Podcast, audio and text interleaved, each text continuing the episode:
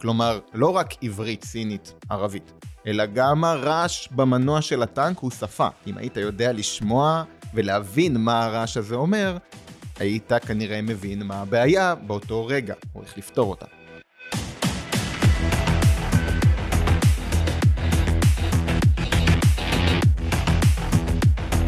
אהלן חברים, ברוכים השבים לפודקאסט בינה לביזנס, הפודקאסט בו אנחנו מדברים על עסקים, AI, כל מה שצריך לדעת בהקשר הזה, ואיך להכין גלשן לקראת הגל המטורף הזה, שעוד לא הגיע לארץ במובנים מסוימים, והיום אנחנו פה עם בן אדם שהגיע לפסגות בינתיים לא קטנות, עומר הררי, תודה אחי שבאת. תודה רבה שאתה מארח אותי. בשמחה, העונג כולו שלי, ובוא קצת תפרט על עצמך, מי אתה, מאיפה הגעת ולאן אתה הולך. אוקיי, אז um, במקור בכלל הייתי איש ביטחון, שירתי ביחידות המיוחדות, הייתי קצין. Um, כשהשתחררתי הלכתי ללמוד את התחום של מנהל עסקים, uh, עבדתי בתור יועץ עסקי, מה שגרה הוביל אותי לה... תחת הרעיון להקים סטארט-אפ, סטארט-אפ שהיה מבוסס בינה מלאכותית כדי להוציא אותו לפועל, כך נכנסתי לעולם של הבינה המלאכותית. הסטארט-אפ פחות הצליח, אבל אני מינפתי את. הידע ואת הלימודים שצברתי לאורך הדרך למקום אחר. היום אה, אני שותף ב-Zero to One AI, אה, גם אחראי על כל המחלקה של הבינה המלאכותית, על כל התחום. מה שאנחנו עושים זה אפיון, פיתוח והטמעה של מערכות מבוססות בינה מלאכותית לתעשיות וארגונים. אה, ובנוסף לכל זה אני גם יועץ ומרצה בעיקר לקצונה בכירה בצה"ל, עוד פעם מוסדות ביטחון, זה מקום שממנו אני מגיע, אז נוח לי שם. וזה ממש מתוך העולמות שלך, ומשלב את עולמות ה-AI בהרצאות. כן, אני משתדל כמה שיותר. כאילו, אני, אני מעביר את ההרצאות שלי עם על AI, אמ, על הפוטנציאל ועל הסיכון שיש בתוך התחום הזה, ועל מה נדרש מאיתנו. אמ, אבל כמובן שאני בסוף מביא את מי שאני, את מה שלמדתי, מה שספגתי לאורך הדרך. כן. אתה רוצה שנייה להרחיב טיפה על ההרצאות האלה? כי אותי אישית מאוד מעניין. אה, אני בדיוק חזרתי, אמרתי חזרתי עם מילואים. הייתי כן. מילואים בחום המטורף של שבוע שעבר שהיה.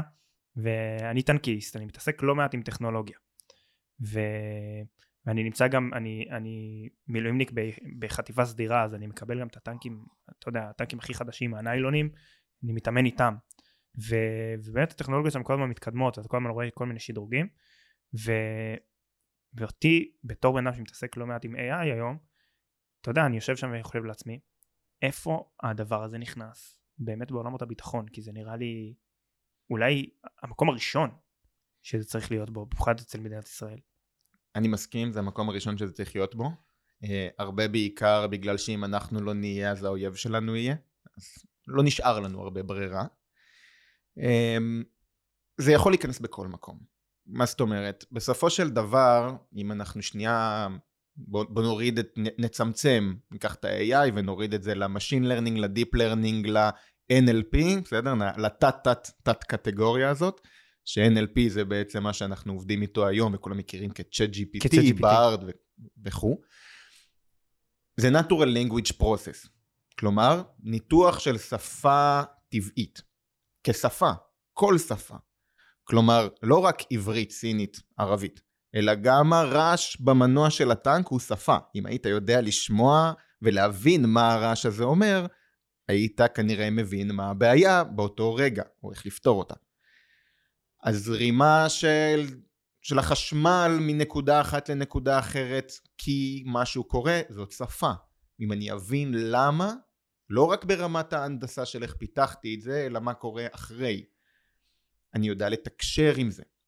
עכשיו, אם אני יודע לקחת שפה אחת מנקודה אחת ולקחת שפה מנקודה אחרת, אני גם יכול לבצע הצלבות של מידע. מה שיפה בבינה מלאכותית זה הרגע הזה שהאסימון נופל לה. כלומר, בטח שמעת על זה ש, שיש הרבה מחקרים שמראים על זה שכשלוקחים מודל ודוחפים לו מידע ועוד מידע ועוד מידע ועוד מידע ועוד מידע אז הוא פשוט מתנפח בכמות הנתונים ואז בום טס למעלה בשנייה אחת היכולות שלו טסות אנחנו לא באמת יודעים להגיד למה זה טס למעלה אבל בגדול זה כאילו כמו שאתה תלך ותלמד ותלמד ותלמד ואז תשמע את המשפט הזה שיפיל לך את האסימון והבנת את הכל אז על אותו רעיון עכשיו בוא תלמד מיליארדים של פרמטרים אז האסימון נופל הוא חתיכת אסימון. כן. וברגע שאנחנו יודעים לקחת את כל אותם שפות, כי להכל יש שפה, בסדר? לתוואי השטח, כשאני צריך להתקדם קדימה, יש איזושהי שפה, בסדר? זה מה שלימדו אותנו כשאנחנו צריכים, אפילו בטירונות, איך מתקדמים, נכון? יש איזושהי דרך לתקשר אחד עם השני, בצורה כזאת או אחרת.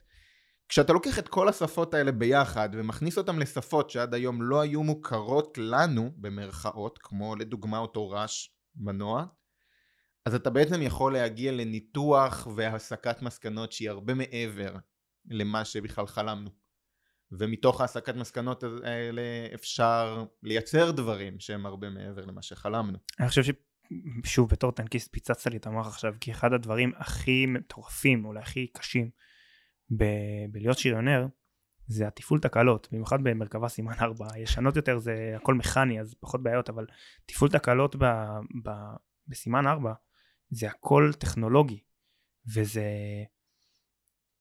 לדעת שתהיה לי שם, יכולה להיות שם איזה, איזה מערכת שיודעת לשמוע רעשים, לזהות זרמים חשמליים כאלה ואחרים, ולהסיק לי מזה מסקנות ולהגיד לי תקשיב, כל מה שאתה צריך לעשות כדי לתפס את התקלה זה אולי תפעל לי אותה לבד, אבל גם אם לא, אני צריך לעשות משהו, זה תוריד את זה, תכבה את זה, תוציא את זה, תכניס את זה, סיימת.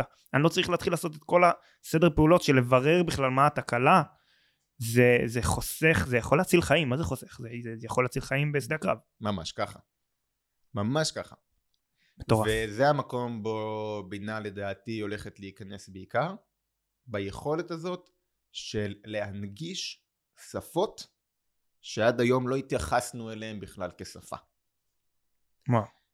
וזה מה שייתן את אותו unfair advantage, כמו שאני אוהב לקרוא לו, אמ, לנו למול התחרות. לא, לא מסווג אחי מה שאתה אומר לי פה עכשיו? אמ, לא, אין, אין פה שום דבר מסווג, בסופו של דבר זה מה שזה, זה natural language process. כן. זה מה שזה. תראה, יש את המאמר הזה שאני מאוד אוהב, שנקרא uh, mind map. ש mind map בא ומראה שאנחנו יכולים להשתמש במכונה של FMRI בשביל להבין את הגלים והזרמים והחשמל שעובר בתוך המוח ולג'נרט מתוך הדבר הזה וידאו או טקסט, בסדר?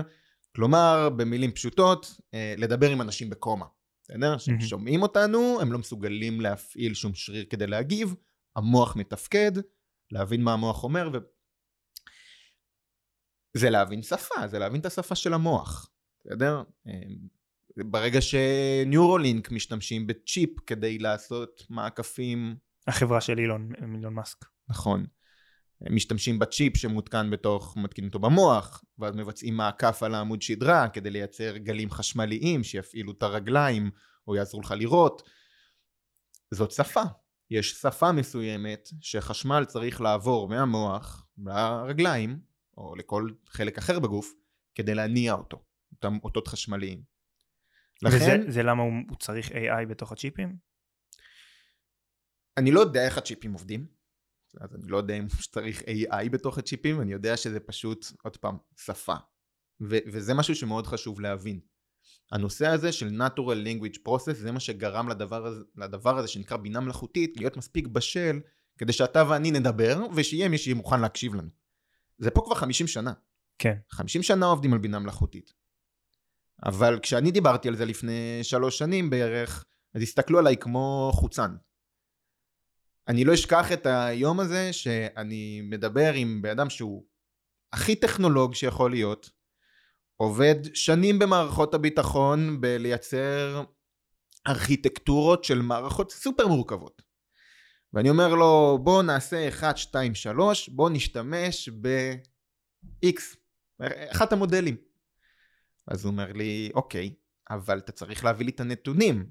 אז אני אומר לו, לא, המודל מצליח, כאילו, הוא, מוסיק, הוא הסיק את המסקנה נכון, בדק, זה אפשרי.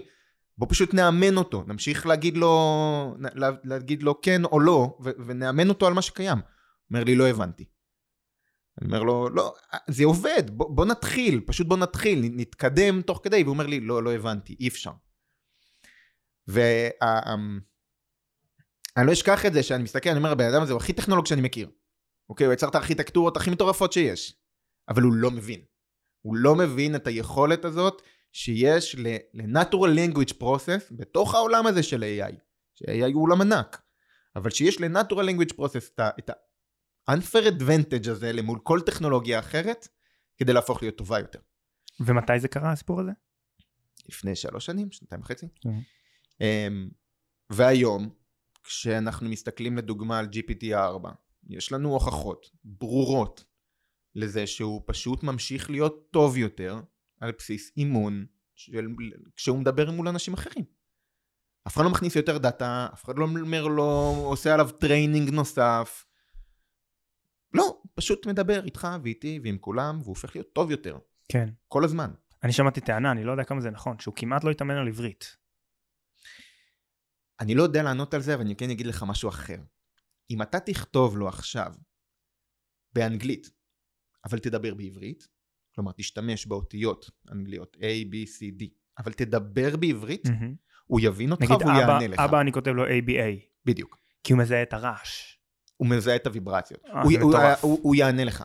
דרך אגב, זה עובד גם הפוך, כלומר אם תכתוב בעברית, אבל תדבר באנגלית, או בכל שפה אחרת. הוא מבין, הוא מסוגל לבצע את מה שאתה מבקש ממנו, הוא גם מסוגל לענות לך באותו, בא- באותו ברור דרך לך שאני. מנסה את זה איך שאנחנו מסיימים את ה...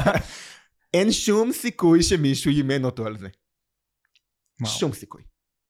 אבל זה עובד. וואו. כי משהו הפיל לו את האסימון. ומשהו בשיחה שלנו כשאנחנו מאשרים לו את התהליך הזה, הוא לומד. הוא מבין שזה נכון, הוא מבין שזה בסדר, הוא משתפר, הוא הופך להיות טוב יותר. מטורף. כן. מטורף. ממש. המוח שלי פה על הקירות מהשיחה הזאת כבר, לא... צריכים להשאיר איזה משהו בפנים. קח אותי חצי שנה לפני, אה, לפני נובמבר 22. אתה כן נמצא בעולמות ה-AI, אבל העולם לא נמצא בעולמות ה-AI. כן, קשה מאוד. קשה מאוד. אמ, קשה מאוד לשכנע. בסדר? קשה מאוד להסביר, קשה מאוד uh, לתת לאנשים, כשאתה לא יכול לתת לאנשים לגעת בידיים בזה, אז כל התגובות שאתה מקבל הן תגובות של כן, אבל. זה עוד לא שם, זה לא זה, זה לא יחליף אותי, זה לא יעשה את הדברים האלה. זה נורא התחלתי, זה נורא בינוני. ו... וזה היה סוג של מלחמת התשה כזאת. מלחמת התשה שאני בטוח שזה הולך להתפוצץ. הייתי כל כך בטוח שזה הולך להתפוצץ, שבסופו של דבר קיבלתי החלטה לעצור את כל הסטארט-אפ הזה שבניתי, בעקבות היציאה של OpenAI החוצה. כלומר, היציאה שלהם מהארון עם ChatGPT, עם ChatGPT או ה playground? ChatGPT. ב playground שיחקנו, ב playground גם השתמשנו. כן. ב-API שלהם, חקרתי את ה-API שלהם. מי שלא יודע, ה playground זה בעצם סוג של מאחורי הקלעים כזה, וזה יצא לפני ה-ChatGPT. כן. אתה יודע להגיד לי כמה זמן זה היה בחוץ? אה, לא יודע להגיד לך בדיוק כמה זמן זה היה בחוץ, כי אני לא, לא הייתי ביום הראשון שלו, אבל אה, בסופו של דבר היא חברה די צעירה, ארבע שנים. כן. אז לא, לא הרבה. היה דה וינצ'י 1, דה וינצ'י 2, דה וינצ'י 3. זה לפי, וינצ'י 3 זה כבר לפי היה די GPT? טוב. זה, זה המודל שמאחורי אותו צ'אט GPT. כן. אמ, ואז יצא בעצם שלוש וחצי, ששלוש וחצי זה צ'אט GPT, כמו שאנחנו כן. מכירים אותו, שזה פשוט לקחת את היכולות של שלוש ולייצר שרשור טוקנים כזה, שאתה יכול לעשות שאלה תשובה, שאלה תשובה, שאלה תשובה, וייצר שיח, שהוא זוכר על מה דיברנו. שלוש וחצי, להבנתי גם יותר טוב משלוש. הוא גם יותר מפותח משלוש. הוא, הוא רק בגלל שהוא יודע לבצע את, ה, את השיח הזה, אז הוא גם לומד יותר. אבל לא ברמת ה processing? לא יודע לענות לך על זה, אני לא חושב, אני חושב שזה אותו וואלה. דבר. כי שניהם דה וינצ'י. כן, אני חושב שזה. אותו דבר. מעניין. GPT-4 הוא כבר משהו אחר, הוא כבר נכון. באמת הרבה יותר ה reasoning שלו ברמה אחרת לחלוטין. לגמרי. אמ, וביום הזה שאני זוכר ש... ש... למטה ה-try now של ChatGPT בתוך ה playground, זה היה מין כזה אה, הודעה כזאת שקפצה, וראיתי את זה, אז אמרתי אוקיי וואו, חמישה ימים מיליון משתמשים, אוקיי וואו, חודשיים 100 מיליון משתמשים, אמרתי אוקיי בעיה. למה בעיה? בגלל שאותו landscape שאנחנו מנסים לשחק בו, אותו מגרש, הולך להשתנות. כי אין שום סיכוי שאנשים יבינו מה יש למכונה הזאת אה, לתת. מהסיבה הזאת זה הולך להיות כביכול תחליף לגוגל. אנשים יסתכלו על זה כמין סוג של search engine. נכון, לא נכון, זה לא רלוונטי. כי ברגע שיסתכלו על זה כ-search engine, עם הצמיחה האדירה שיש לזה, גוגל ירימו את הדגל האדום שלהם, יגידו עצור הכל, 80% מההכנסות שלנו מגיעות מ-search engine, צריך לעשות משהו. ואז בעצם קרה מה שאנחנו רואים היום. הרבה מודלים בשוק, שום דבר מהם לא באמת אה, בשל לכולם, אבל... ברד שיצא עכשיו בעברית מביך. ברד, אה, כל, כל מודל אחר, לא רק כן. ברד, יש המון מודלים, המון. הם לא מספיק בשלים מאלף ואחד כיוונים של אבטחת מידע ושל יכולות ושל... לא ניכנס לזה עכשיו, אבל הבעיה היא שבסוף מי שיושב עם האצבע על הכפתור צריך לקבל החלטה. האם אני מחכה שהמודל יהיה בשל מספיק, או שאני מאבד את כל הכסף של המשקיעים במניה. אז אה, ההחלטה נפלה וכולנו יודעים מה ההחלטה כן. והמודלים היום בחוץ משוחררים. נגיד המניות יציבות.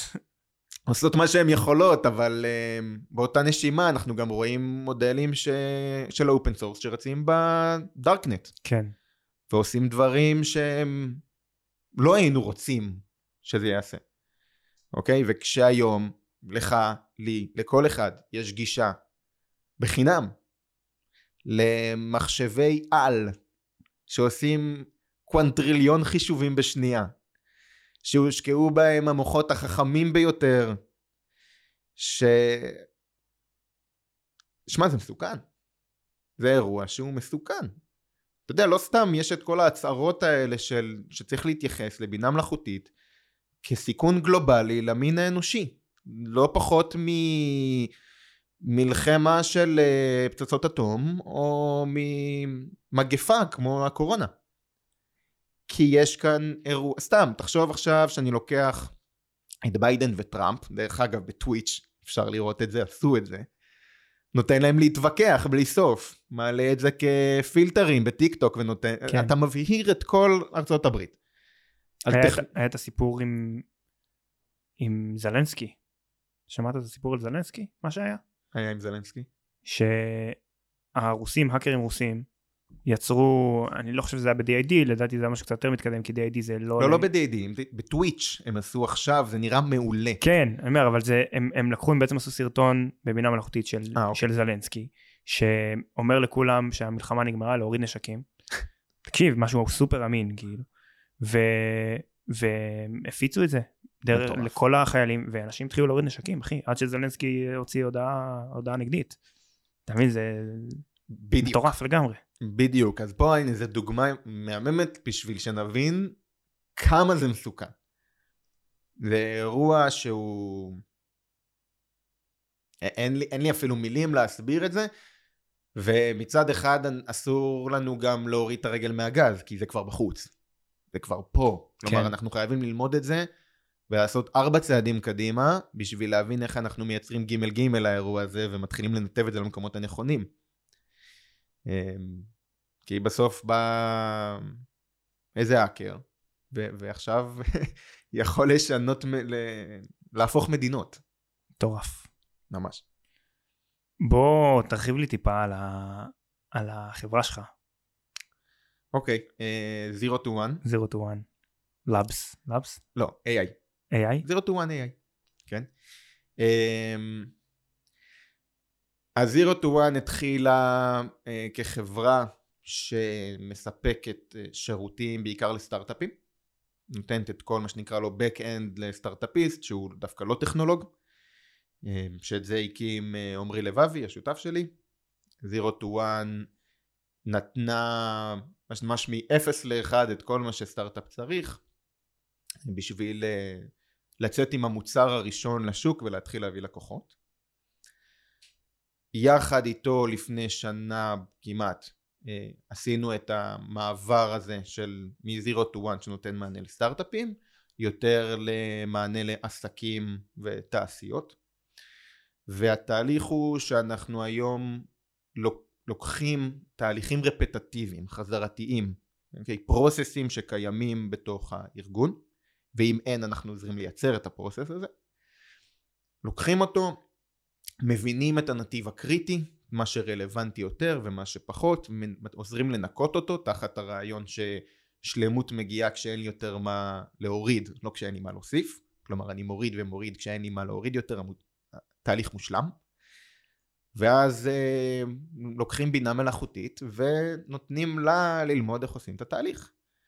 אה, תהליכים של לקוחות שעד היום היו לוקחים לדוגמה שבוע, היום לוקחים 20 דקות. כשלקחנו לקוח מתחום הנדל"ן, שהיה לו הרבה מאוד ניירת לעבור עליה והרבה מאוד תיאומים והרבה מאוד בדיקות והרבה תקנים שמפוזרים בכל מיני מקומות. ריכזנו את הכל, הראינו למערכת איך מגיעים לכל דבר, איך משתמשים בכל דבר, מה יותר חשוב ולמה ומתי, ומה האאוטפוט שצריך להיות בסוף. ועכשיו כל מה שנשאר משבוע העבודה זה פשוט להסתכל על התוצאה שיוצאת למערכת ולחתום בסוף ש... שהכל בסדר. good to go, שהכל בסדר. אמ, אז אלה התהליכים שאנחנו מנסים אה, ורוצים לעשות. אני באמת מאמין שעוד שנתיים אין דבר כזה low-tech ו mid-tech. הכל הייטק. הכל הולך להיות הייטק. יש כבר מערכות שעוזרות בשדה ל... להרוג אה, מזיקים ועוזרות לנתב כבשים במרעה ואנחנו עובדים אה, עם מפעלים בשביל לתת להם שירות שהם יוכלו לתת שירות החוצה בצורה הכי טובה שאפשר. ישבתי בשבת עכשיו עם כמה חברים, ואיכשהו תמיד נוסע היה עולה. ואחד החבר'ה הוא בחור כזה, בחור פשוט, אחי, מתעסק עם הידיים בדברים, מאוד אוהב לבנות. והוא אמר לי, כן, אבל בסוף אתה יודע, בסוף זה לא יחליף אותי בקצה שלה. אמרתי לו, אתה חי בסרט. אתה חי בסרט, זה עניין של שנים ספורות. שנים ספורות עד ש... פחות. כן, אמרתי, אתה יודע, מה זה, מה זה פחות? פחות בגלל ש... אני אגיד לך למה פחות. וזה לכל הכיוונים, לא רק אליו. אין אחד שזה לא הולך לגעת בו. נכון. בצורה שהיא כל כך אגרסיבית, שאנחנו באמת לא יכולים להבין. כבני אדם אנחנו על הפנים בלהבין התפתחות אקספוננציאלית. אף אחד לא חולה בקורונה, אף אחד לא חולה בקורונה, אף אחד לא חולה בקורונה, כולם חולים בקורונה. כי אנחנו לא מבינים ולא יודעים לעשות הערכה של התפתחות אקספוננציאלית. כשלקחו את כל המהנדסים ואת כל האנשים שבנו את אותם מודלים חכמים שאנחנו מדברים עליהם עכשיו, ושאלו אותם תוך כמה זמן אתה מאמין שהמודל יגיע לבשלות אה, ובצורה כזאת שהוא יוכל לעבור את מבחן טיורינג ובלה בלה בלה ועשו איזשהו סקר גדול כזה. לקחו את כל התשובות ויצא ארבע שנים. 11 חודשים זה מה שלקח באמת. כל המומחים שבנו את המערכות האלה אמרו ארבע שנים, לא אנשים שלא מבינים איך זה עובד, שבנו את זה. גם הם לא מבינים איך זה עובד, אבל בנו את זה, אמרו ארבע שנים שזה יגיע לאותה בשלות שדיברו עליה, לא ניכנס עכשיו לכל המחקר ומה רצו להשיג, אבל לקח 11 חודשים. זאת התפתחות אקספוננציאלית, אנחנו לא יודעים להעריך את זה. מחשבים קוונטיים בנויים על הרעיון הזה. נכון. אוקיי? ואנחנו לא יודעים להבין את זה ולא יודעים לדבר על זה. ובגלל שמה שהתחלנו בתחילת השיחה, שבסוף אנחנו מדברים על שפה, ושפה היא שפה היא שפה. כל שפה. כלומר, אם אלינו יצא מחקר חדש בתחום אחד, של דוגמה text to text, זה מנקודת הנחה שהוא ישפיע בצורה ישירה על text to video, על text to image, על speech to image, לא משנה. ברגע שאנחנו מבינים את זה כשפה, אוקיי? ויש איזושהי התפתחות טכנולוגית בנקודה אחת, ההתפתחות היא אקספודנציאלית לכל שאר הכיוונים. ובגלל זה כולם מתריעים על כמה שזה מסוכן, כי זה פשוט משפיע על הכל. אם אני התפתחת בכיוון השפה, זה אוטומטית ישפיע על היכולת שלי לזהות זיהוי פנים. כי זה גם שפה. כי זו גם שפה. אז יש לי שאלה בשבילך. אוקיי. מה לעזל קוראים עברית, אחי? קודם כל אני אגיד שיש בחור מאוד מוכשר אה, שעובד היום על, על מודל בעברית, שצריך לצאת לדעתי בתקופה מאוד קרובה. אה, אני יודע שיש אה, עוד הרבה מודלים שמשתפרים, כלומר ברד משתפר, נכון? הוא עדיין לא בשל בכיוון שאנחנו רוצים שהוא יהיה. היום בבוקר דיברתי איתו ומבחינת הצורת התנסחות שלו הייתי בסדר. הרבה יותר טוב ממה שהיינו כן, לפני חודשיים. כן. גם ברד השתפר, גם קלוד 2 שיצא החוצה הוא גם נכון. לא רע בכלל. אני שמעתי הרבה אנשים שאומרים שהוא יותר טוב בעברית מאשר כל תוכנה אחרת עד היום. יכול להיות. אמ, האמת שיש לי את ה-API שלו, אם אני גם צריך לשחק איתו קצת, פתוח כרגע רק בארצות לא, הברית ו... VPN אחי, VPN ואתה מסודר. VPN. לא עשיתי עדיין את זה, אני אעשה את זה, אני אחזור אליך עם כן. רשומות. אמ, אבל, אבל זה רק בא להראות לנו שזה עניין של חודשים ספורים. יש לי לקוחות שאנחנו מפתחים להם דברים בעברית, בסוף אני עובד פה בארץ, אנחנו מפתחים להם דברים בעברית, התוצאות הן מרשימות מאוד, כלומר צריך להבדיל בין המודל שפתוח לכולם, שכולם חושבים שהוא איזה סופרמן שאמור לעשות הכל וכל מה שכל אחד יבקש הכל יעבוד כמו קסם, לבין העובדה שאתה בא ומפתח מוצר ללקוח עם פרוסס ברור, עם משימה קבועה, שהוא לא יודע להכין עוגת שוקולד, כי זאת לא המטרה שלו, אבל הוא כן יודע להפוך תהליכים בעסק שהיו שבוע ל-20 דקות. ואז כשאנחנו יודעים באמת במה אנחנו רוצים להתעסק, אז אנחנו יודעים להתעסק בזה. אנחנו יודעים לבוא ולאמן אותו על השפה העברית בהתאם לדרישות ובהתאם לצורך, ושם אין בעיה. אין בעיה, אתה אומר בסוף הוא גם השפה העברית למרות שיש כזה דבר של ניקוד וזה שזה כאילו יותר מסובך שאתה כותב לו מילה מסוימת זה יכול להיות מנחה או מנחה או מנחה זה כתוב אותו דבר אתה אומר זה בסופו של דבר פתיר גם כן. הכל פתיר. כן. יש לי יש משפט שאני אוהב כל מה שטכני טכני. אוקיי? ואם זה טכני זה פתיר. זהו. לא לעשות מזה מגדלים ש... לא... אין מה לעשות מזה מגדלים, וההפך, דווקא כשאתה עושה מזה מגדלים, אתה הופך את זה להרבה יותר מסובך ממה שזה. לפעמים הדרך הפשוטה יותר היא הטובה יותר. אה, אני הרבה פעמים אה, ממליץ לאנשים שאני מדבר איתם ללכת ולבחון בכלל אלגוריתמיקה רגילה לחלוטין, אפליקציות רגילות לחלוטין, אין מה לרוץ ל-AI כל הזמן בגלל שזה איזשהו name dropping שנפל עלינו ועכשיו... אה, חד משמעית. כלומר, האפליקציה יכולה לעשות עבודה הרבה הרבה הרבה יותר טובה מבינה מלאכותית. כן, אנשים באים אליי אומרים לי, תקשיב, אני רוצה פה AI שייקח לי את כל האנשים שכבר קנו ממני, ויתחיל לשלוח להם איזושהי סדרת הודעות מסוימת. אני אומר לו, אחי, זה לא AI, זה אוטומציה. לא, אין לי בעיה, אתה רוצה אוטומציה, בוא, בוא נעשה לך אוטומציה, אבל זה לא, AI לא צריך להיכנס כי אתה רוצה להכניס AI, זה לא כאילו, אתה, אתה רוצה לבוא ללקוח שלך להגיד, כן, יש לי עסק עם AI, נפלא, בוא נלמד לך צ'אט GPT, ותוכל להגיד להם. נשים לך AI בלוגו בשם. כן, בדיוק, ואתה יודע, האלגוריתם אוהב את זה היום. אז סבבה, אז הכל טוב, אבל ברמה עסקית, אתה לא, לא צריך AI בתהליך מסוים, בוא נכניס לך. תכניס לי שנייה לתהליך הזה של איך אתה מאפיין, מה קורה שם, כמה זה שונה מלפני שנתיים שלוש אחורה, התהליך האפיון ו- וליצור משהו שהוא בעצם פתרון שהוא custom made, שזה שונה ממוצר מדף. תהליך ה-custom made אה, הוא אותו תהליך שהיה גם לפני זה. ואני לא חושב שהוא שונה הרבה ממה שאתה עושה אה, היום, כלומר אתה בסוף מגיע, מאפיין את העסק, מאפיין את הצרכים שלו, את התהליכים שלו, את הלקוחות, את השירות, בעצם אנחנו מקטלגים ו- ומבינים מה הדברים שאמורים לקרות, מייצרים את ה pipeline הנכון בשביל ש- שהמידע עובר, מהרגע שליד הוא רק מתעניין עד הרגע שהוא משלם, מה קורה בפגישה הראשונה, בפגישה השנייה, מיילסטונים של, דבר, של מתי דברים צריכים לקרות, ממש מודל ווטרפול קלאסי. כן. בסדר? אמ, אחרי שסיימנו לאפיין את כל האירוע הזה, שזה מה שתמיד היה, אנחנו מביאים, עושים מחקר טכנולוגיות. מבינים מה הטכנולוגיות הקיימות בשוק, מה הטכנולוגיות אה, החוצה, לא, הנדרשות. לא, לא לתוך העסק, אלא החוצה. אנחנו עושים אה, מחקר טכנולוגיות בכללי, איזה טכנולוגיה יכולה להתאים לטובת הפלואו כן. אותו אה, יצרנו. כן, כן. אוקיי? אמ, במידה וקיבלנו את ההחלטה שבינה מלאכותית זה הדבר הנכון, זה לא תמיד הדבר הנכון. לפעמים היא יכולה לתת חמישה עשרה אחוז מכל הפרויקט עצמו.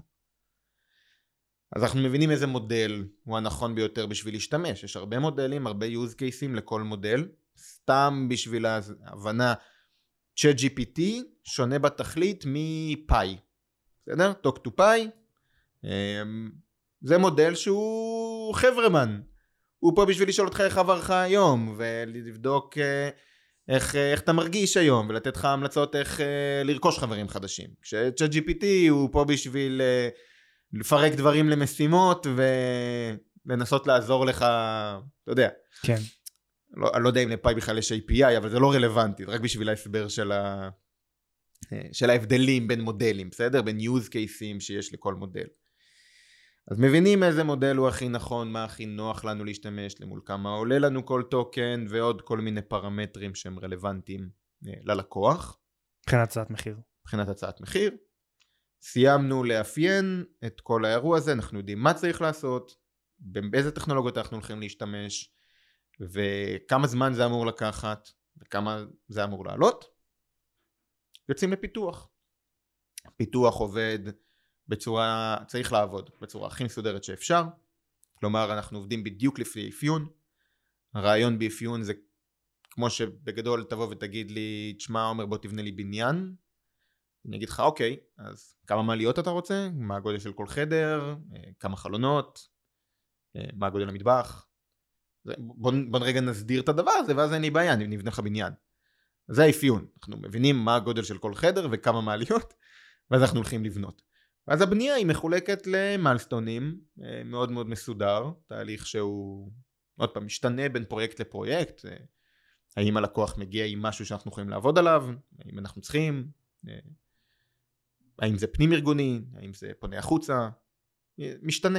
כל לקוח עושים קוסטיום לפי מה שהוא צריך, כל בניין נראה אחרת. כן. אבל בסוף עובדים לפי האפיון ש, שביצענו. ופה יש הרבה חשיבות גם של שהלקוח ידע מה הוא רוצה. כלומר, אנחנו, בעצם אני מצוות מנהל מוצר לכל לקוח שנכנס אלינו, שהמנהל מוצר כל תפקידו בהתחלה זה להבין ולדקק ולדייק את מה שהלקוח באמת צריך אמ, בשביל שהמוצר ייתן את הכי הרבה אימפקט אה, בקצה.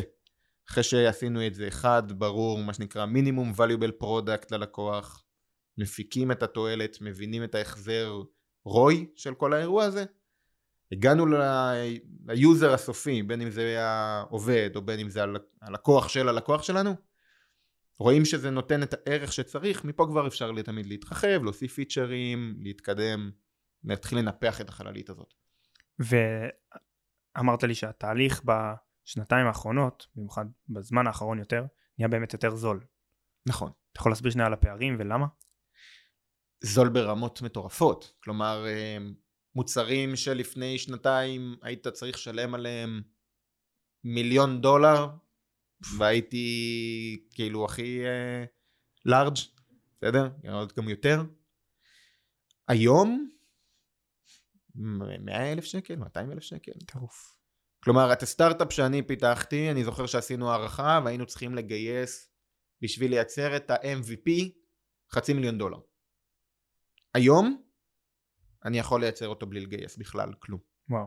רק על כלים של לואו קוד נו קוד ו-APIים של uh, שיש בחוץ. ומבחינת אבטחת מידע זה לא פוגע ב... בתוצר? יפה, אז אבטחת מידע זה אירוע שלם בפני עצמו, בסדר? Um, הכל שאלה היא של איזה מידע אתה מאבטח, נכון? דבר ראשון. ב', um, איפה? אם, אתה, אם אין לי שום מידע שהוא רגיש, אז I don't care, בסדר? לא אכפת לי. אם אני מדבר עכשיו על uh, ספציפית uh, שמות של לקוחות, או עכשיו סליקה של אשראי או דברים כאלה, אני יכול להשתמש במוצרי מדף שהם כבר מאובטחים. כלומר, אני אשתמש עכשיו ב... טוב, אנחנו מכירים את כל המוצרים האלה. Um, ואם זה מידע שהוא רגיש, מאיזושהי סיבה, ואני משתמש בזה כמוצר שהוא שלי, אז אני תמיד יכול לעשות את הדברים לוקאלית. כלומר, אני לא צריך לשמור את זה בענן של מישהו. אני יכול להשתמש היום במוצרים אה, של אג'ור, אה, לדוגמה, כן. או AWS, שנותנים לי אחלה של אבטחת מידע. כמובן, כל מה שאני מדבר פה זה לא ברמה עכשיו של אה, ביטחון המולדת, כן? כן. זה מוצרים רגילים של אנשי עסקים, לשמור את ה-IP שלהם וזה.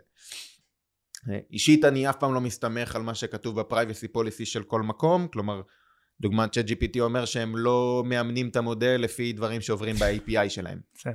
יכול להיות שזה נכון, יכול להיות שזה לא נכון, אני לא לוקח את הסיכון. אז uh, גם כאן יש את הדרכים uh, לעשות את זה בצורה שהיא שומרת על מה שצריך. Um, אבל זה חלק מה שנכנס באפיון ואפשר, יש מוצרים ש... שהם מספיק טובים לאירוע הזה בשביל, מה שנקרא בשביל האדם הפשוט, לא מדבר על מעצמות ועכשיו כן. צבא וכאלה. זה קיים בשוק, אפשר פשוט להשתמש במה שקיים, מחברים את זה כמו לגו, אחד לתוך השני, וזה מה שהופך את זה להיות 100-200 אלף שקל פיתוח, ולא חצי מיליון, מיליון וצפונה. כן, מדהים. מה אתה חושב יהיה... דיברת איתי על אה, כמה חודשים קדימה, 11 חודשים קדימה, אני יודע שמאוד מאוד קשה להגיד באמת בעולם הזה מה יהיה עכשיו חמש שנים קדימה. אני, אני יותר רוצה לשאול מה היית רוצה לראות. אתה יודע, ברמת ה... הייתי רוצה הגיוני. לראות יותר אנשים שמאמצים את הטכנולוגיה הזאת, שמפסיקים להתעלם ממנה, ש... אתה חושב שבעוד חמש שנים יהיה אפשר בכלל להתעלם ממנה? לא, כי היום אתה קונה Windows חדש, אתה מקבל co-pilot בתוך ה... שרץ על הטרמינל, סירי לא הולכת להיות אותה סירי, ובכללי שום, לא אלקסה ולא שום טכנולוגיה כזאת או אחרת. אז לא יהיה לך יכולת להתעלם ממנה. אבל כן יהיה לך יכולת להתכחש אליה. ואנחנו טובים בלהתכחש. אנחנו טובים כבני אדם בלהתכחש לרעיון הזה שמשהו מסוגל להחליף אותנו, או שאנחנו צריכים להתאים את עצמנו לסביבה החדשה. אחרי שהשקענו כל כך הרבה שנים בללמוד תואר, או שהשקענו כל כך הרבה זמן בלפתח איזה עסק, אה, או שעכשיו אני צריך לפטר אנשים, או להשקיע כסף בפיתוח של טכנולוגיות חדשות. ואני מקווה שיותר אנשים יבינו שזה לא נתון לבחירה. זה לא, אף אחד לא שואל אותם. אה, זה אם הם, הם לא יעשו את זה, אז המתחרים שלהם יעשו את זה, והם יישארו מחוץ למשחק, והם לא יהיו רלוונטיים. אה, אתה יודע, אחד הדברים שכולם כזה שואלים כל הזמן, זה טוב, אבל הוא לא יצירתי. נכון? אנחנו כל הזמן שומעים את העניין הזה של היצירתיות. למה? כי אנחנו רואים עכשיו את האימפקט החזק ביותר בעולם הזה של ג'נרט וידאו ותמונות. זה מייצר את האפקט וואו הכי גדול ולכן אה, כי לא כולנו data אנליסטים שצריכים עכשיו לעשות אה, ניתוח והצלבות אה, נתונים. אז מה שכולם אוהבים לשחק איתו והכי קל לעשות להראות לאבא זה Midjourney. ואז אומרים טוב אבל ואז נכנס פה כל העניין הזה של היצירתיות. ואני טוען שיצירתיות זה עניין של פרספקטיבה. כלומר, ההבדל ב- בין יצירתיות שאנחנו אוהבים לראות להזיות, אוקיי? שאנחנו אומרים המודל הזה הוזה, זה עניין של האם אני אוהב את מה שאני רואה. כי אם אני אוהב את מה שאני רואה זה יצירתי, ואם אני לא אוהב את מה שאני רואה זה הזיה. כן. נכון? ואנשים באים ואומרים, טוב, שאלתי אותו שאלה והוא לא אמר לי, נתן לי את התשובה הנכונה. זה לא שהוא לא נתן לך את התשובה הנכונה, זה שאתה לא יודע לשאול אותו את השאלה. המודל הוא מודל של הקשרים סטטיסטיים. והוא 42. נותן מילה אחרי מילה בצורה סטטיסטית על פי האינפוט דאטה שהחלט... שים לו את הדאטה שלך והוא ייתן לך תשובה מצוינת. אה, כאילו, זה רק מראה שאנשים עדיין לא מצליחים להבין את היכולת ש, שזה שונה בתכלית מכל מה שהכרנו עד היום. ואנחנו נמצאים בשלב אחד מתוך שלוש בעולם הבינה המלאכותית. כלומר זה AI, אחר כך יש את AGI, ואחר כך יש לנו את סופר... אה, ASI. כן. ששם זה בכלל כבר... תשלב את האירוע הזה עם, אה, עם קוונטום קומפיוטר, אוקיי, מי שראה פרק ראשון של מראה שחורה עונה 6, זה בדיוק זה. זה בול זה. ו, ומי שלא יהיה מוכן לאמץ את האירוע הזה בצורה של אוקיי אני יושב ולומד עכשיו מה זה רשתות נוירונים ואני מרים את מכסה המנוע ואני מסתכל מה קורה ואני באמת באמת רוצה להבין את זה הוא לא יוכל לעזור לעצמו הוא לא יוכל לעזור לילדים שלו הוא לא יוכל לעזור למשפחה הוא לא יוכל הוא יהיה קלולס לחלוטין בעולם שטס קדימה יודע לא משנה כמה מהר הוא ירוץ זה כבר לא שעוברים אותו על אופניים, זה כבר יש מישהו עם מח אחד כאילו שטס לידו, הוא לא רואה אותו בכלל במראות. ו... ו- וזה מה שאני מקווה, אני מקווה שאנשים ישכילו להבין שהם חייבים לעשות את ההתאמות שלהם, כי אחרת אנחנו נהיה במקום מאוד מאוד קשה מבחינה מדינית ועולמית של לדאוג לפערים שאנחנו לא יודעים עדיין לעכל אותם. כבר היום יש פערים מאוד מאוד גדולים בתוך העולם הזה, זה הולך רק להחמיר, והקטע זה שזה יחמיר לא בגלל אף אחד אחר חוץ מאיתנו. יש לך ליטרלי גישה להכל במינימום משאבים, 100 שקל בחודש ואתה יכול להיות הבן אדם הכי חכם בעולם. אבל אתה יודע, נוחות ועצלנות כרגע גוברת ו... וזה קשוח לראות את זה מהצד. כן, כשאתה נמצא בפנים ואתה מבין את הערך ואת היכולות וכמה הדבר הזה הוא באמת מהפכני, קשה לך לראות אנשים שלא נמצאים באירוע. לא, לא. ובטח אתה מרגיש את זה גם במין סוג בוודאי. של מרדף אינסופי, לנסות להסביר לכולם למה וכמה, ו... גם, כש, גם כשהם יושבים ומקשיבים לך, ואתה מדבר, ואתה כאילו, אתה, אתה יושב, ואתה באמת מעביר להם את כל, ה, כל מה שאתה חושב שנכון, רוב האנשים לא באמת מפנימים את מה שאתה אומר סופית. הם לא, הם לא יוצאים אחר כך ואומרים, אני חייב לשנות את החיים שלי. כן. הם לא עושים את זה, הם נשארים אותו דבר, ואני כן ראיתי אנשים שכן, שעשו שינויים, שעכשיו, אתה יודע, חבר'ה שאני מלווה, ש... שהכניסו באמת AI לתוך המערכים שלהם, ו... ואתה רואה את זה, וזה תענוג. זה תענוג, אתה אומר, אתם, אתם, אתם צריך להמשיך להסתכל עליכם, וכולם צריכים ללמוד מכם, כי אתם הולכים להישאר בפרונט. הרבה מהם, דרך אגב, שבאים ומייצרים מוצרים, שהם מוצרים טכנולוגיים כדי לעזור לעצמם, בתקופה המאוד קרובה הולכים uh, למכור את המוצרים האלה החוצה וכל התחרות שלהם הולכת להיות הלקוחות שלהם. תחרות שלהם בארץ ותחרות שלהם בעולם. כי בסופו של דבר אם תיקח את כל העולם, סתם ניקח את ארצות הברית, אז רק uh, נכון המחקר האחרון, 48% מהם שמעו בכלל על צ'אט GPT, שהוא היום המודל הכי מוכר בעולם. מתוך הדבר הזה לדעתי משהו כמו 30% שיחקו איתו, 18% באמת מנסים להשתמש בו, ורק 5% באמת משתמשים בו לדברים שקשורים לעבודה. בסדר? אמ, אותם 5%, כל השאר הם הלקוחות שלהם עכשיו.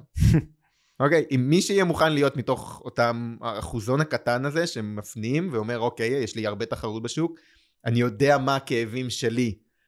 ומה אני היום מתקשה איתו, אז כנראה שכל הת... האנשים האלה שהיום איתי גם כן מתקשים, יכול לייצר מוצר שעד היום לא היה אפשרי באלגוריתמיקה רגילה לייצר אותו, אבל בינה מלאכותית כן מאפשרת אותו, ופשוט להפוך להיות מהחברות, כאילו להת... באמת להתפוצץ, להתפוצץ, באמת להגיע למקומות שהם, בדיוק, התפוצצות אקספוננציאלית, ממש ככה.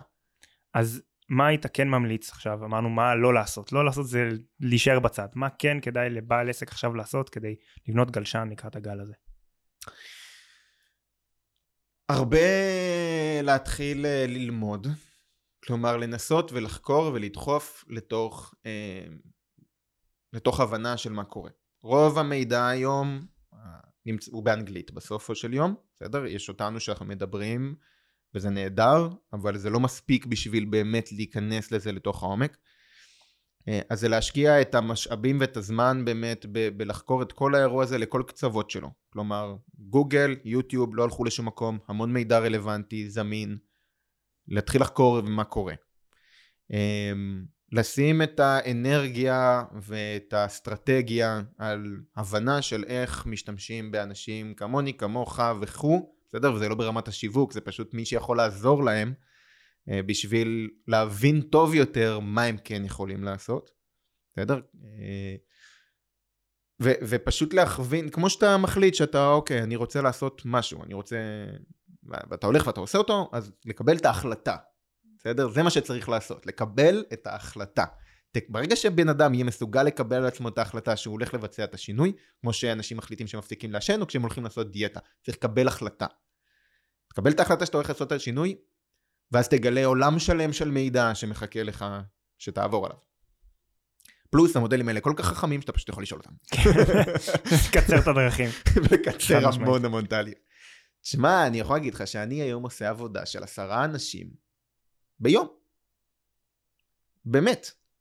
אני אשכרה מצליח לעשות עבודה ש, שלפני שנתיים, שלוש, זה, זה כאילו היה לשבור את הראש. אנשים לא מבינים את זה. עד ש... אתה יודע, הם שומעים כל מיני סיפורים, גם עכשיו, אני בטוח שיש אנשים שישמעו את זה, יגידו, וואו, מדהים, וזהו. כן. הם לא מבינים שהם יכולים גם, הם יכולים תקשיב, גם אני, לעשות את זו, זה. אני, אני... זה כזה מצחיק, אני זוכר ש... שיצרתי פעם למישהי לוגו מהספה, כזה, בזמן שראיתי טלוויזיה. מישהי, קיבלתי באיזה אחת הקבוצות, סתם, ואני בכלל לא, לא עושה לוגוים לאף אחד, אבל קיבלתי באיזה אחת הקבוצות שמישהו מחפש אה, לוגו וטה טה טה. שלחתי לה הודעה בפרטי, אני יכול לעשות לך, תגידי כמה את רוצה לשלם. בסדר? ברמה הזאת, אני, זה לא העבודה שלי. היה לי 400 שקל. אמרתי לה, יאללה, בסדר, 400 שקל. ישבתי על הספה, לקח לי 10 דקות, שלחתי לה את הלוגו, אמרה לי וואו מדהים, היא העבירה לי את הכסף. ואתה בלי ידע קודם. אני יש לי ידע קודם, כן למדתי בשני, אבל זה עוד פעם לא השתמשתי בו, בסדר? כן. אני פשוט השתמש, השתמשתי ב Midjourney. כן. 100% Midjourney עשיתי שם. אוקיי? 100% ועוד איזושהי אפליקציה שעוזרת להכניס טקסט בשביל שיהיה את הזה, זהו. בסדר? אני יצרתי מערך שלם של, של סדנה בשעה, אוקיי? כאילו מקצה לקצה. של אני בוודאות אומר שהיה לוקח לי לפחות שלושה ימים לייצר את זה אם הייתי יושב על זה כאילו פול טיים לפני. הי, עזוב יש לי עכשיו סדנה חדשה שאני מתכוון שאני מעביר ב, אצל החבר'ה במוסדות הביטחון. מהמם. כדי להפוך את זה קצת יותר מעניין אני אוהב לעשות דברים אינטראקטיביים אני אוהב להפעיל את האנשים בתוך הסדנאות.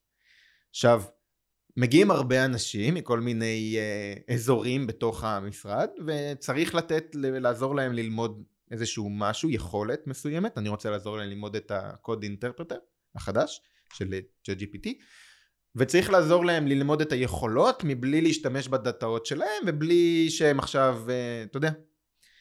אז ישבתי אתמול עם הצ'אט והתחלתי לדבר איתו ואמרתי לו תשמע אני רוצה ככה אני חושב ככה. התחלנו לדבר מפה לשם הגענו ל... בוא נבנה משחק, ניתן להם לשחק משחק. הם הולכים לשחק משחק של... אה, והנה אני עכשיו מספר פה איזשהו סקופ, מי שרוצה זה יכול אולי נעשה את זה גם בסדנאות הבאות לכולם ולא רק במשרד. אמ, בגדול המשתתפים הולכים להיות עכשיו שחקנים, בסדר? שהולכים להשתתף במשימה בלתי אפשרית.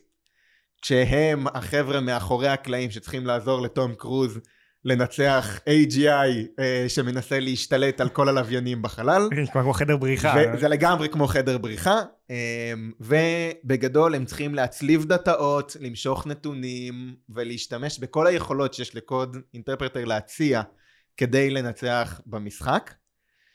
ואת כל המשחק הזה בניתי אתמול בלילה בשעה 11 כשהצ'אט עם הקוד אינטרפרטר עוזר לי לייצר את כל הדאטאות, עוזר לי לייצר את כל הפלואו של המשחק, מה אמור לקרות, מה הרמזים, מה הדברים, כלומר יצרתי את כל האירוע הזה, שנקרא חדר בריחה שלם אינטראקטיבי, שעוזר לך להשתמש, שמלמד אותך להשתמש בכלי הזה, אמ, אתמול בלילה. הלכתי לישון. נשאר לי איזה כמה פיצ'רים קטנים, טיפה עיצוב, Midjourney אני אבקש ממנו היום לעשות לי כמה עיצובים, נשתמש בעוד איזה כמה מודלים של text to video כדי לעשות את זה, ו text to music בשביל לתת קצת אווירה. אני צופה שיש לי עוד חצי שעה, שעה עבודה על האירוע הזה. זה משהו שאני בוודאות אומר שזה לא, לא יודע כמה זמן היה לוקח לי לעשות את זה, אני לא חושב שהייתי יודע לעשות את זה לפני. אוקיי? כאילו, הוא עזר לי לחשוב על הרעיון, על, ה, על, ה, על הסיפור, על ה story מאחורה, כתב את הקודים, כתב את ה... כאילו כתב קודים של Python שלמים, שאחרי זה, כדי שהמודל יצליח אחרי זה לנתח אותם ולהבין את לעשות debugging ולהוציא... אז זה סיפור מטורף. קודים שיש ש- להם באגים כדי שהוא יעשה דיבאגינג. עם באגים כדי שהמודל יעשה תקשיב. debugging על, המוד... על הקוד שיצא ויוציא החוצה וישלוף את הנתון הרלוונטי שהוא יהיה חלק מפיסת קוד להצלבת נתונים כל הדבר הזה אוקיי אני והוא עשינו כאילו בשיחה על הדרך בזמן שאני כזה שמע, זה מטורף. זה מטורף. כי זה, ד- ודרך אגב, סתם, זה עוד איזשהו קטע של, שמע, יש דר, דרכים טובות יותר היום להעביר תוכן, בסדר? ללמד דברים. אמ, וזהו, וזה הופך להיות עכשיו, כאילו, אני, ככה אני לוקח את כל הסדנה הזאת, שאני מעביר סדנאות בסוף, של, שנקראות ברוכים, סדנאות והרצאות שנקראות ברוכים הבאים לעולם החדש. ברוכים הבאים להווה. ובברוכים הבאים להווה, כל הרעיון הוא להסביר רגע מה קורה literally היום. אני לא מדבר על העתיד בכלל, אבל אנשים יוצאים שם בהלם טוטאלי. ועכשיו אני רוצה לקחת את זה, את ה step forward, ולהכניס גם איזשהו משהו אינטראקטיבי, אז אמרנו, אז אני והצ'אט ביחד חשבנו מה אפשר לעשות. אבל זה בדיוק זה, זה תהליך שלפני זה היה לוקח לי שבוע, עם לפחות של פול טיים ג'וב, כדי להרים סדנה כזאת, ועכשיו, בערב, בבית, מהספה, בזמן שאשתי רואה איזושהי סדרה, היא ראתה חתונמי או משהו, אני ישבתי ליד וכזה דיברתי עם הצ'אט. וואו. אנחנו חיים בעידן אחר לחלוטין, יש פה שתי ספרות שונות, אנשים, רוב, רוב רובם חיים בעבר. אמ, וזהו, ואני מקווה באמת שכל מי שמקשיב לזה ושומע את זה, פשוט יפתח את המחשב, יכתוב aa.com, ישלם 20 דולר האלה, כדי להשתמש במודל שהוא הרבה יותר חכם, שיפסיק לשאול שאלות של למה כן ולמה לא, ככה. הנה התשובה, ככה. פשוט תעשו את זה. תתחילו להתעסק עם זה, תתחילו להבין מה, מה זה נותן, להשתמש במודלים החדשים, להוריד את הפלאגינים, להיכנס ליוטיוב, לבדוק מה זה עושה. רבאק, מוד... מחשב על מונגש לכם עם על מגש של כסף. למה אני צריך בכלל לשכנע אתכם? אני רואה את התסכול שלך, אתה צודק. למה בכלל צריך לשכנע אתכם? אתה צודק, ממש צודק. אנשים למדו כאילו בסטנפורד שנים, MIT וייל ו Google DeepMind, כאילו האנשים הכי חכמים בעולם ישבו ובנו פשוט את העתיד. אתה יודע, זה, זה, זה קצת מרגיש כאילו, לא, אחי, אתה לא חייב לרכב על סוסים, בוא, קח אוטו. בוא תיסע עם האוטו. יש כבר. יש כבר יש אוטו. כבר, זה לא... הנה המפתחות, זה גם אין דלק, לא, אתה לא משלם כלום, קח, סע. לא, אני טוב לי עם החמור והעגלה. כן. ממש ככה. תשמע, עומר, היה פרק סופר מעניין, באמת, אני למדתי מלא מלא דברים חדשים. איזה כיף. תודה רבה, אחי, שבאת. תודה רבה לך, אירוח. תענוג באמת גדול ומאוד מאוד נהניתי. תודה לכם שהאזנתם, אני מקווה מאוד שקיבלתם ערך, ואני מקווה מאוד שקיבלתם אפילו הרבה ערך, ואם אתם חושבים שיש איזה מישהו שצריך לשמוע את זה, מישהי שצריכה לשמוע את זה, שלחו את זה לחבר חברה, ותנו איזה דירוג. אם זה יהיה חמישה כוכבים אני בכלל אעריך. כל הסושיאל של קאפ של עומר וגם שלי, פה נמצא למטה, מוזמנים לפנות ואנחנו נענה בשמחה, וניפגש בפרק הבא. היי, להתראות, תודה רבה.